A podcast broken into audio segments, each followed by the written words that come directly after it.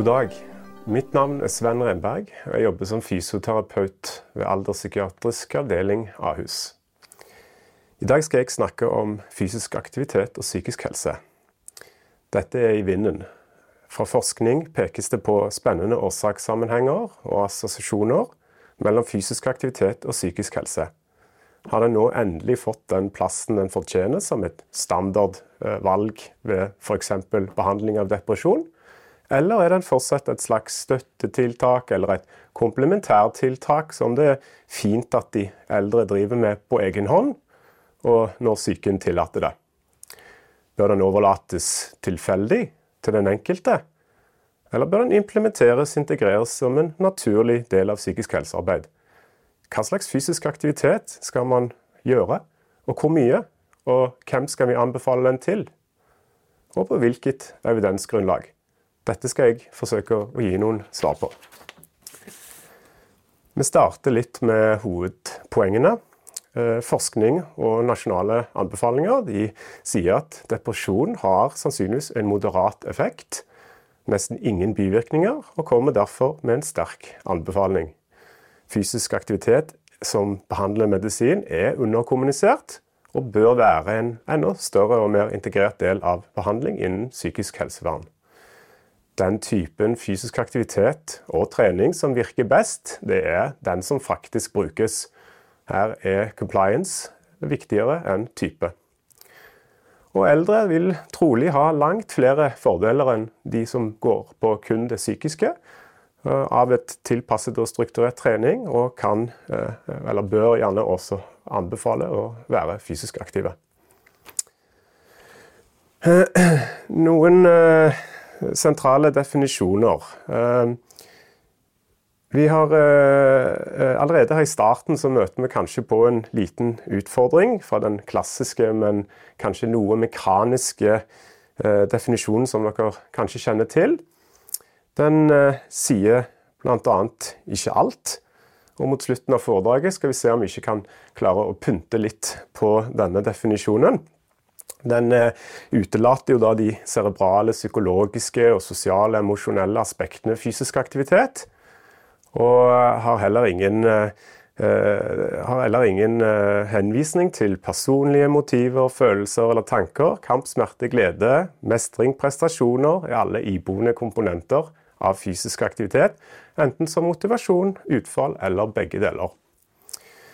Eh, noen eh, sentrale definisjoner for treningslære eh, sier noe om hvor ofte, hvor lenge og hvor hardt man må trene for å oppnå den største altså helse- og prestasjonseffekten. Likevel skal vi se at effekten på psykisk helse kanskje også kan oppnås med langt mindre doser.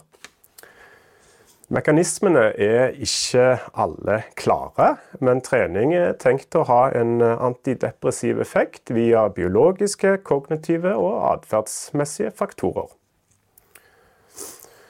Eh, når det kommer til råd og anbefalinger, så har man Helsedirektoratet sine 150-300 minutter med moderat intensitet per uke, eller da en kombinasjon, av disse. Nytt er også med stillesittingen, som skal begrenses. og Inaktive personer oppfordres gjerne å starte med fysisk aktivitet som er egnet og tilpasset den enkeltes funksjon og fysiske form. Personer med symptomer på kognitiv svikt eh, skal også tilbys informasjon, veiledning og mulighet til å delta i allsidig og meningsfull fysisk aktivitet. Rådene retter seg mot eh, stat, kommune, virksomheter, tjenester, frivillighet, organisasjoner og fagpersoner som gjennom sitt virke kommer eh, i kontakt med denne målgruppen. Og rådet har utgangspunkt i de globale anbefalingene for fysisk aktivitet av Verdens helseorganisasjon. Så hvorfor er dette temaet viktig? Eh, først individet. Det gir da pasientene, eller deltakerne, et verktøy de kan bruke. Eh, det, eh, da, de hjelper gjerne til å nå egne mål. Eh, økt mestringstro, tiltro til egne ferdigheter, endret selvbilde. Og terapeutisk sett så er det jo et potensielt verktøy for behandling av ulike psykiske lidelser med få bivirkninger. Og for samfunn og helsevesen og folkehelseperspektiv så er det jo denne mye omtalte eldrebølgen, hvor fysisk aktivitet kan komme til å ha positive konsekvenser. WHO anbefaler altså fysisk aktivitet som standard komplementærbehandling av depresjon.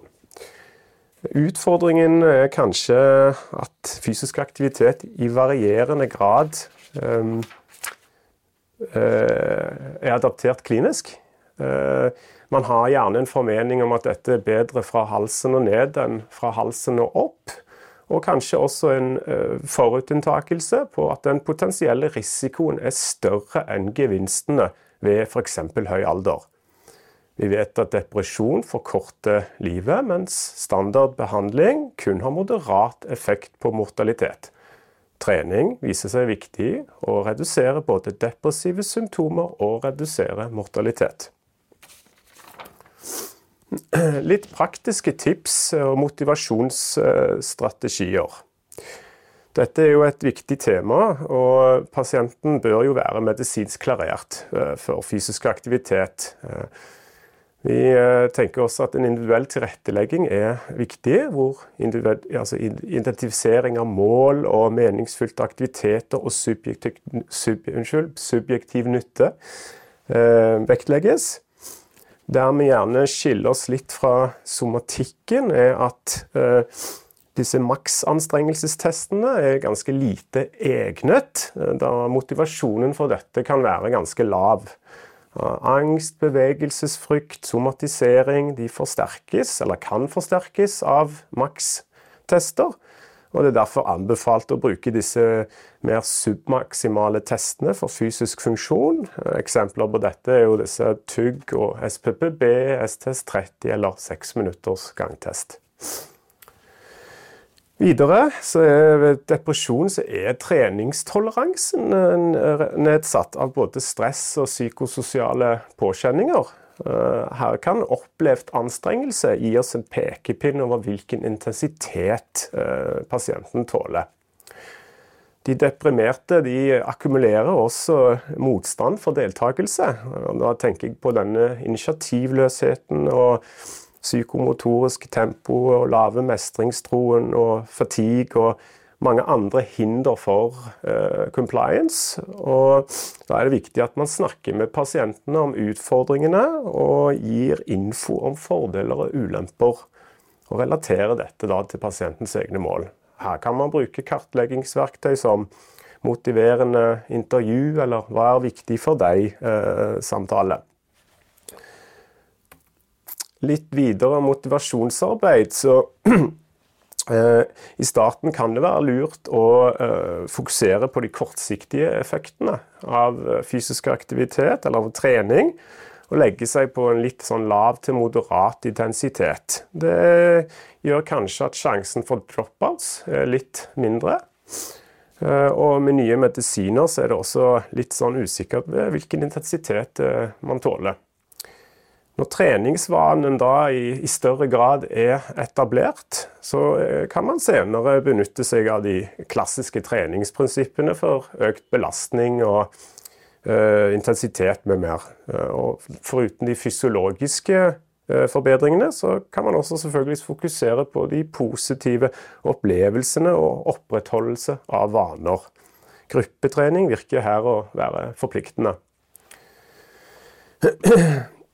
Litt praktiske tips, eh, så eh, ser vi at det egentlig trengs veldig lite utstyr for å tilby et godt treningsutbytte. Mye kan gjøres med noen vekter, steppkasser og matter. For skrøpelige med redusert forflytningsevne så er det lurt å kanskje tenke funksjonell styrketrening, som da har en stor overføringsverdi til dagliglivets krav. Eh, rusleturen er vel og bra, men disse pasientene kan nok få et bedre utbytte av noe mer strukturert styrketrening. Eh, ellers er jo gode øvelser eh, knebøy, reise, sette seg eller gå doble trinn i trapp. Eh, samt noe dynamiske balanseøvelser som går på å selvstendig opprettholde og gjenvinne postural kontroll. Indirekte så vil jo dette kunne føre til økt selvstendighet, eh, økt evne til sosial deltakelse og aktivitet, og hjelpebehovet kan gå ned. En tips til eh, tilnærming er jo at motivasjon kan sjelden tres over hodet på pasienter. Eh, så relasjonen blir viktig, men når relasjonen er etablert, så må også kunnskapen om hva som skjer med en kropp i inaktivitet, adresseres. Slik sett så kan man jo adressere tiltakene mot et av hovedsymptomene på depresjon. Styrke- og balansetrening kommer jo med en sterk anbefaling for eldre. Eh, fra praksis er det jo òg verdt å merke seg at disse treningstypene ofte overlapper eh, hverandre med både en kombinasjon av elementer fra styrke, balanse og bevegelighetstrening. Verdt å merke seg er det at det er også mulig å gjøre tilpasninger basert på den, altså pasienten eller deltakeren sin grunnlidelse.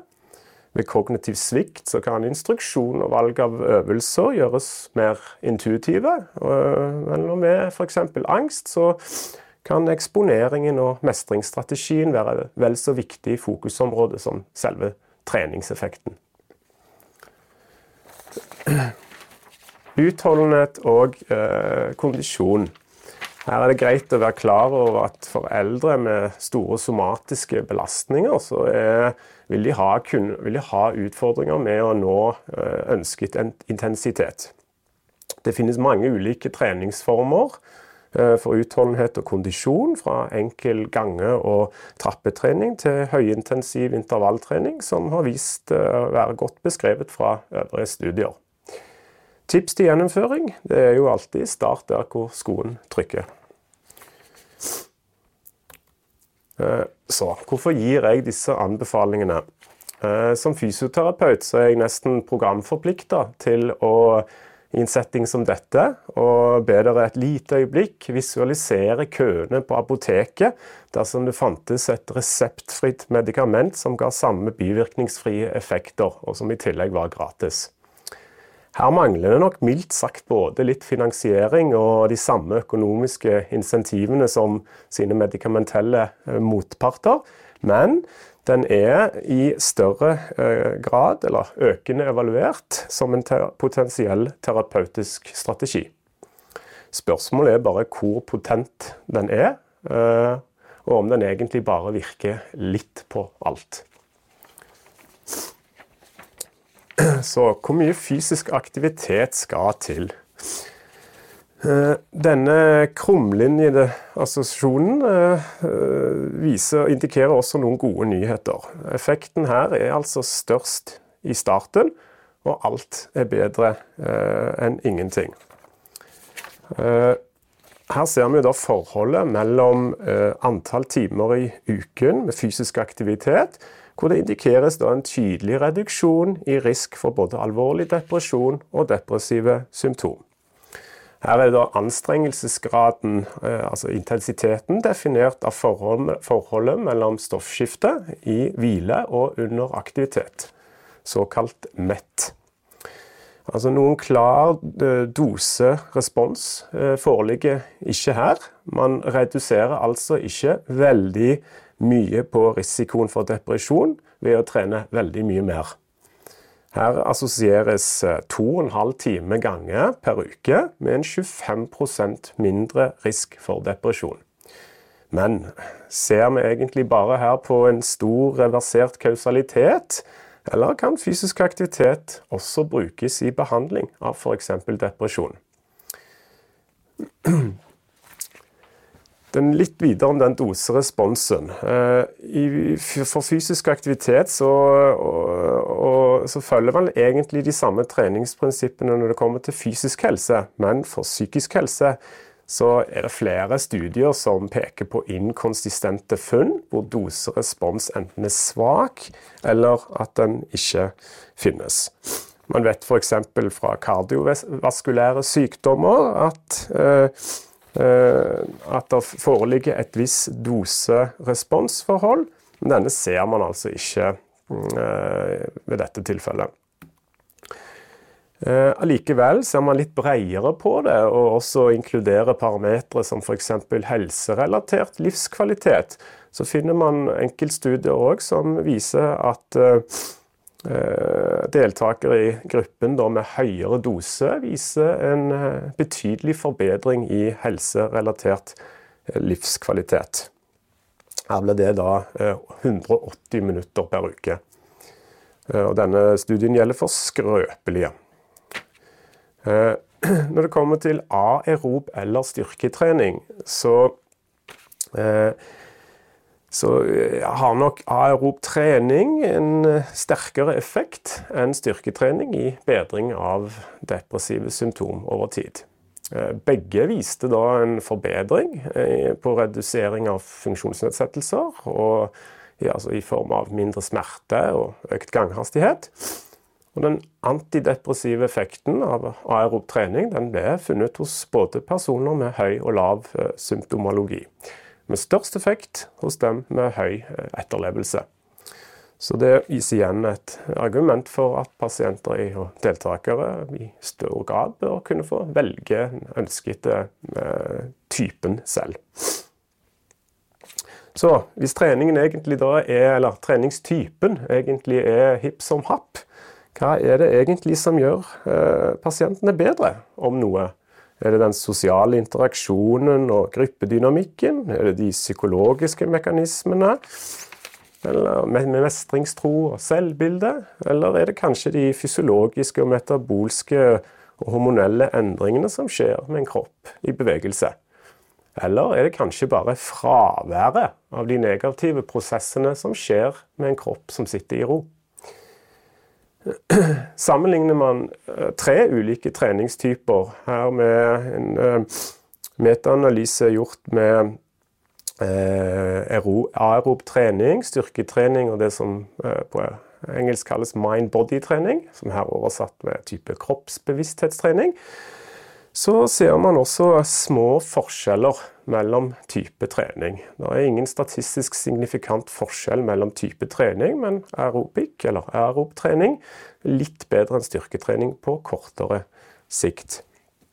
Eh, så konklusjonen her var altså at klinisk deprimerte eldre bør oppfordres til selv velge ønsket treningstype for best terapeutisk effekt.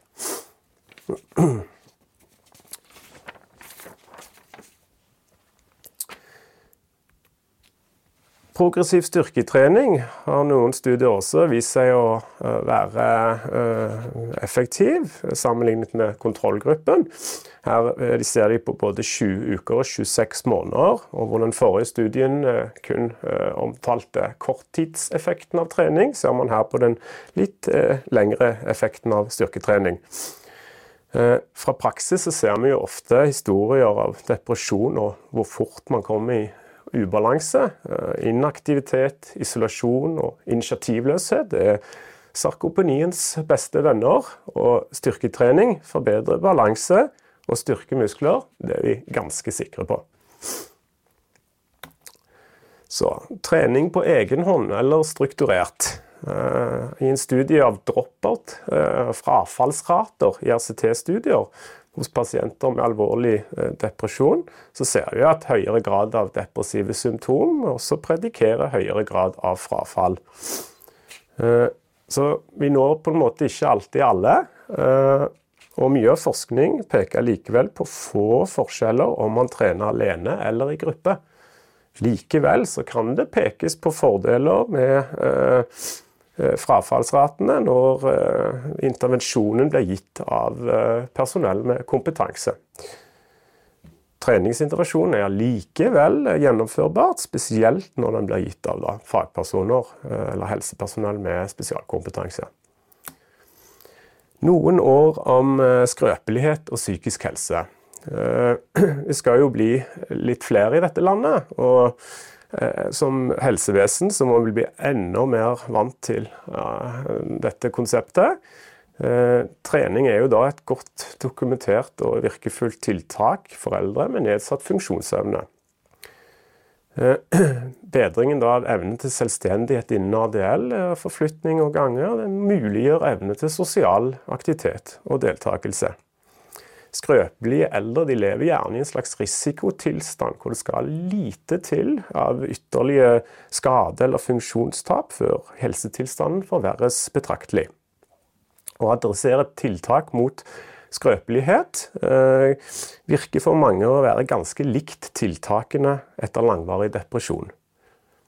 Her kan man se for seg at eh, tiltak kan hjelpe både mot fysisk og psykisk helse. Og til slutt for mange er også da depresjonen en følge, eller kan være en følge av somatiske belastninger. Så trening eh, skal ikke ta over for standardbehandling. Eh, for det er den eh, evidensen litt for svak, og virkningen kanskje også litt for sakte. Likevel så finnes det studier som produserer like resultater sammenlignet med standardbehandling.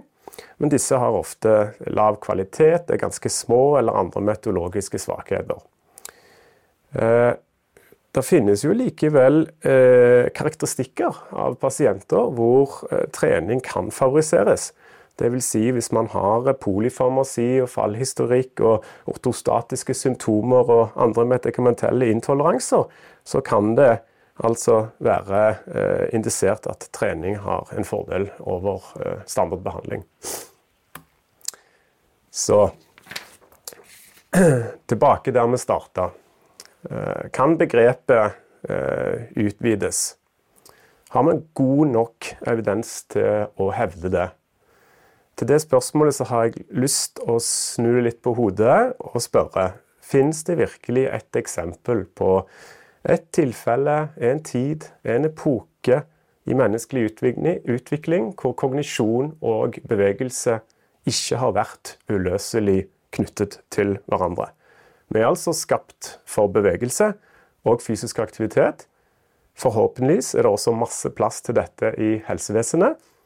Eh, for meg virker det veldig innlysende, men her trengs det selvfølgelig mer forskning. I mellomtiden så kan vi kanskje pynte bitte litt på definisjonen, og vil med det si takk for meg.